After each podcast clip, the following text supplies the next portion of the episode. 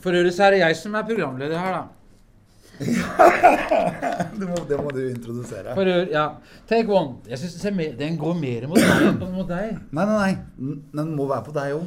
Ja, ja, nå er den på begge to. Sånn, ja. Ja, dette her er litt uh, Alex uh, Rosén Den må har holde sånn sånn at folk Nei, der. Nei, nei, slapp av nå. NRK. Ja, ok. Alex Rosén har insistert på at vi skal ha med et kamera. Sånn at det du hører nå, det kan du også se på, På YouTube. Alex Rosén TV. Du, eh, du har egen TV-kanal? Egen TV-kanal. Kødder du? Nei, men det, det er veldig viktig å etablere egen TV-kanal for å kunne ha, ha alt det man har lagd. Ja. Og den finner du på YouTube, eller? YouTube. Alex Rosén TV-kanal. Og det er en egen altså, TV-kanal på YouTube. Ok. Eller gruppe, kanskje det heter. En gruppe. En TV-gruppe. Mediemogulen Mediemogulen Alex Rosén er i dag eh, gjest, og vi skal snakke om ADHD, som er da eh, for den organisasjonen ADHD. Og grunnen til at du er blitt valgt, det, det kan du kanskje komme noen synspunkter selv, eh, Alex. Hvorfor tror Grunnen til at jeg er blitt valgt, det aner jeg ikke. Men eh, det er typisk ADHD-forbundet å finne folk som ikke har ADHD, og fortelle dem at de har ADHD. Og det er fordi jeg har jo ikke diagnosen. Nei. Men det, kom, det betyr bare at du ikke har gått til legen. Det kan jo Ja. være at du har det, eller avviser du diagnosen? Avviser legen. ja, nei, jeg avviser ikke noe diagnose. Men la oss snakke om eh, din barndom, da. Hvordan, du, du sleit på skolen. Ja, nei, jeg gjorde ikke det. Men eh, jeg begynte ett år for tidlig på skolen.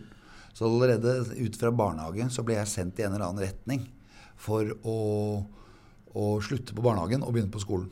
Det var det min far trodde, at jeg var for moden. Og det var, kan, kan godt hende at jeg var det, for at jeg begynte jo på skolen da i en alder av seks år. Det gjør man jo i dag, men på den tiden der så begynte jeg da jeg var syv. Og det gikk veldig bra. Jeg begynte på skolen, og alt var eh, helt suverent. Jeg hadde ikke noe problem med å følge med i timene. Men jeg husker at jeg under en eller annen situasjon ble spurt om det som var da het hyperaktiv, som nå heter ADHD. Det var noe annet. Eh, men antageligvis innunder den samme diagnosen.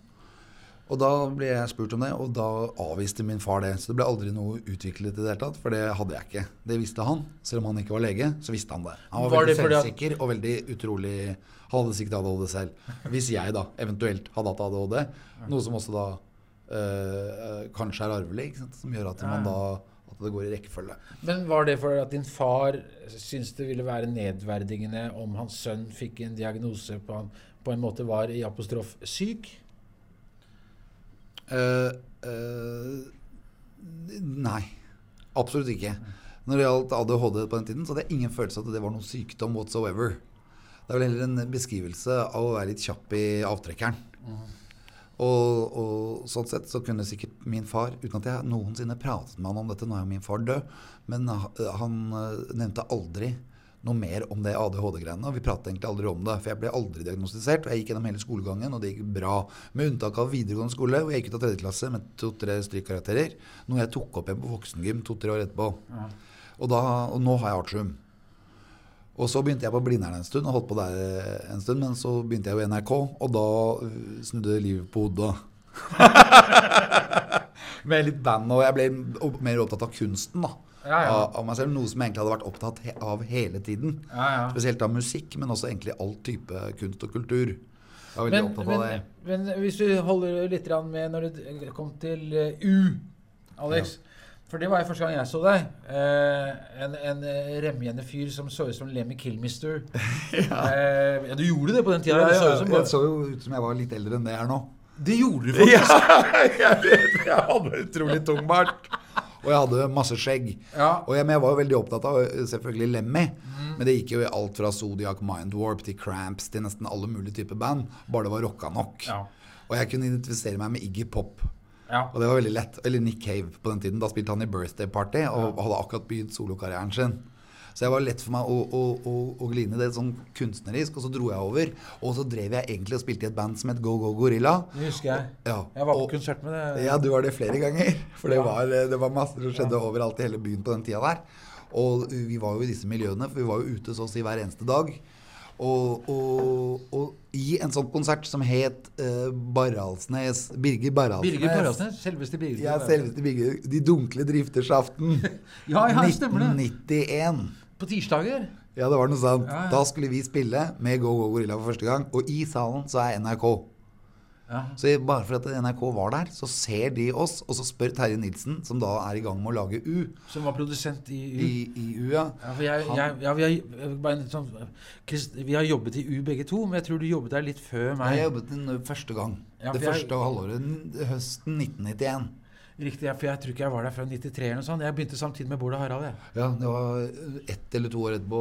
Ja, for Men- da var du stor stjerne. Ja, da drev jeg med band. Eller akkurat i 93, da var jeg helt nede igjen.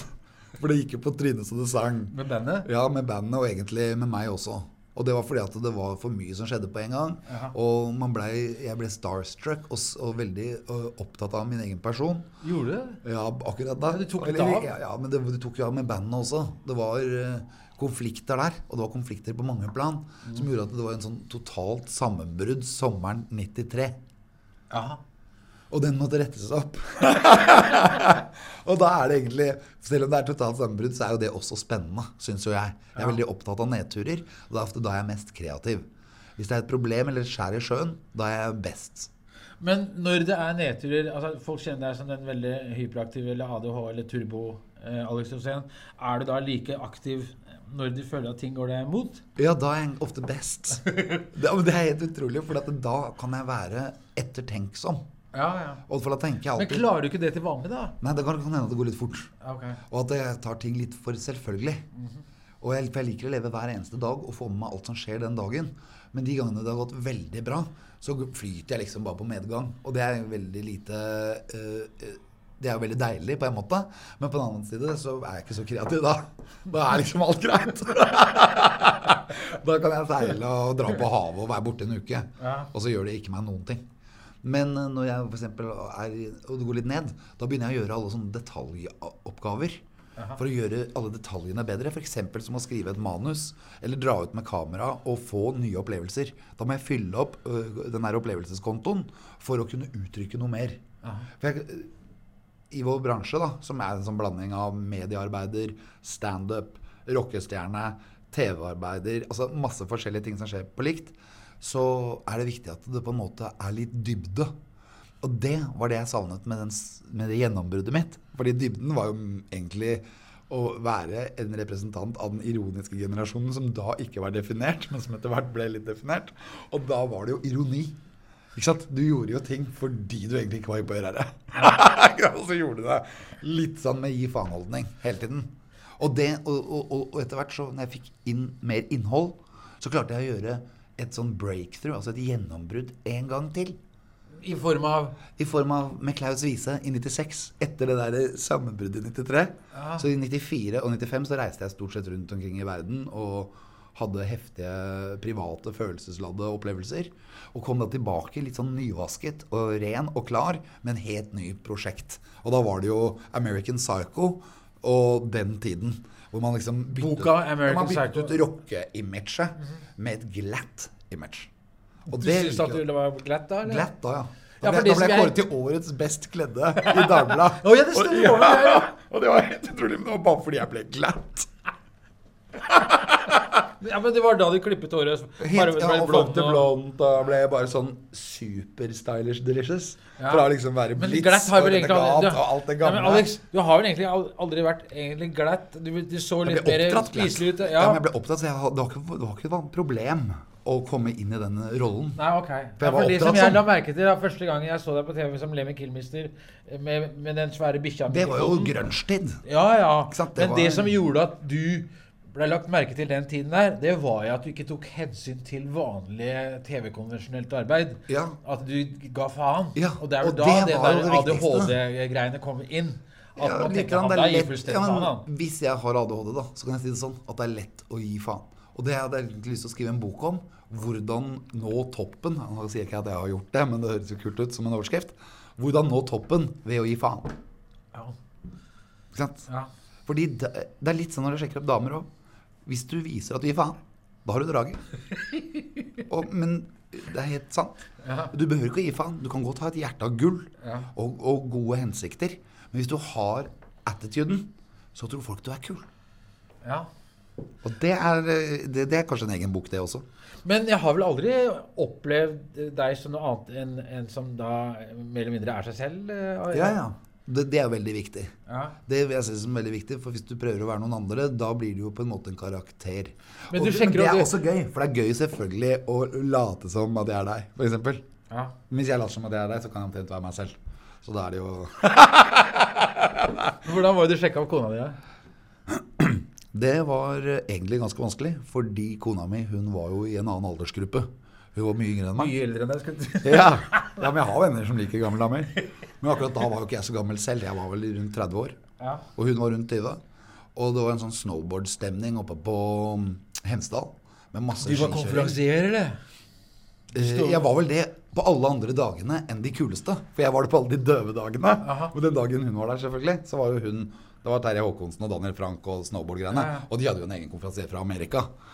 Som var, Amerika, ja, som var superkul, ikke sant? Mens jeg var mer sånn dagen før, eh, når Adecco var der. Dekkoliga.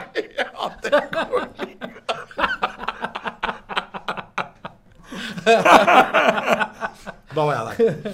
Men uh, jeg, Hva var, er det jeg var hva er der. det- hva er det hva er det gamle tredje Er det Obos-ligaen også da? ikke Ja, sant? ja, det er Obos-ligaen. Det er tredjedivisjon. Nei da, jeg tror det er Adecco-ligaen som har byttet navn.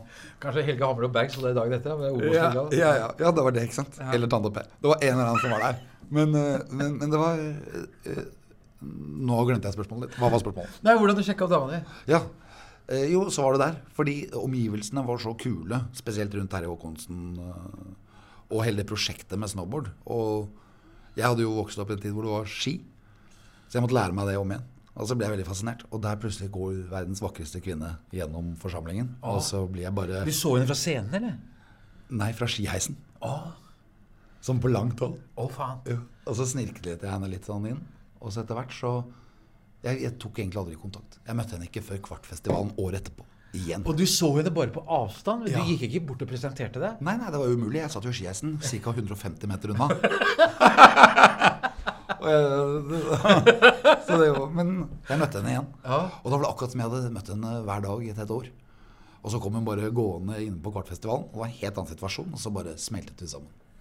Du treffer henne på backstage eller på et åpent område? Helt åpent område. Kick, hvor Kick nattklubb. Kick? Ja. Det er et kjempesvært sted. Ja, fantastisk Ja, stort sted. ja, og, den, og særlig i, den, i det tidsrommet. Dette var 99 2000. Du var på festivalen, du også. Ja, var vel, ja, ja, jeg var der hvert år. Jeg, Ja, ja. Og jeg holdt på å si, jeg har jo vært mange. pressesjef der. Ja, ja, ja, og du var der da. Og, og jeg husker Jojo, frisøren. Jo, jo, han var jo der. Jo, han, var, han hadde leid hele den leiligheten over. Kick. på Kick, ja. Der har jeg vært. Ja, Jeg har spilt på Kick, hver- Ja, du har vært der. Du var der helt sikkert den dagen. Ja, kanskje det. Ja. Og da er det hun du går mot du, ja, da er det kjærlighetens opplevelse. Ja, men, ja, men altså, du vet jo at Men hun, da- men- Du går jo ut ifra at hun vet hvem du er. Ja, men det virket som at hun visste det. Eller, det vet jeg jo ikke. Men uh, hun, Hun hadde, visste hvem du var. hun syntes det var hyggelig, da. Ja, ja, hun synes det var hyggelig. Ja, men, men gjorde det deg kostbar da? At det, det, Nei, nei, det var ikke noe nødvendig. Da bare Det var bare Det var bare veldig hyggelig. Ok, ok, ok. Men eh, for å holde oss til eh, Du har jo også vært konferansier for ADHD i Norge. Ja, det har jeg vært. Og det var en fantastisk opplevelse. Vent litt, vent litt. Fordi eh, når jeg, når jeg møtte han eh, kameraten Han er sjefen. Han sjefen i ADHD-forbundet.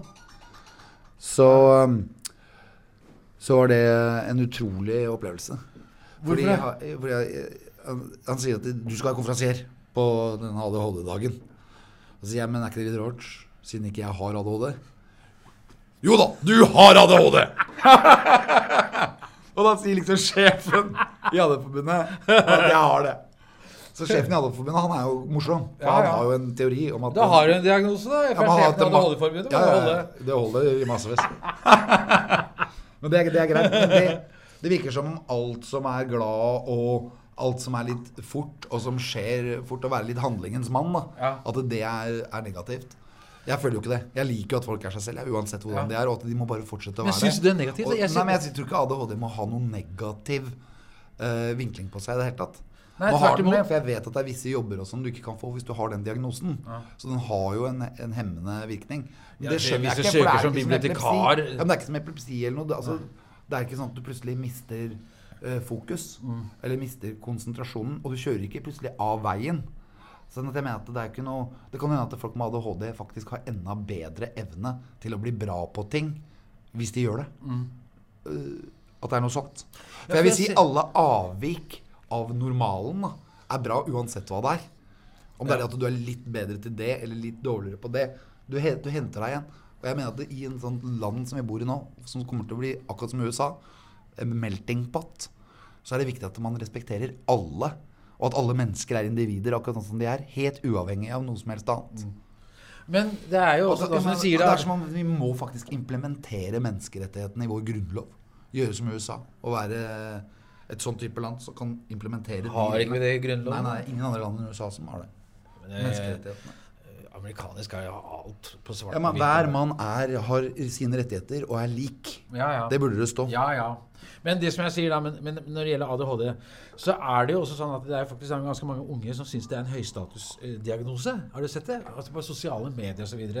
Hvor de skryter på seg 'Jeg har ADHD, og jeg er så rastløs'. At det er mange som syns at det der må, er en kul sykdom. da For at det ligger implisitt Hvis du har ADHD, så er du kreativ, du er aktiv. For det.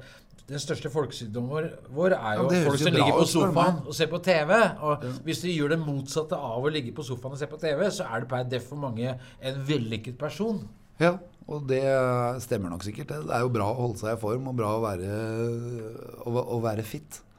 Jeg tenker jo det at det, det viktigste er jo at det ikke stagnerer. At det ikke putter deg i en bås, og at du blir liksom definert ADHD, og da skyver deg ut. Det er det ikke jeg liker. Så hvis det, er positivt, og det er inn å ha ADHD, så må det være veldig bra.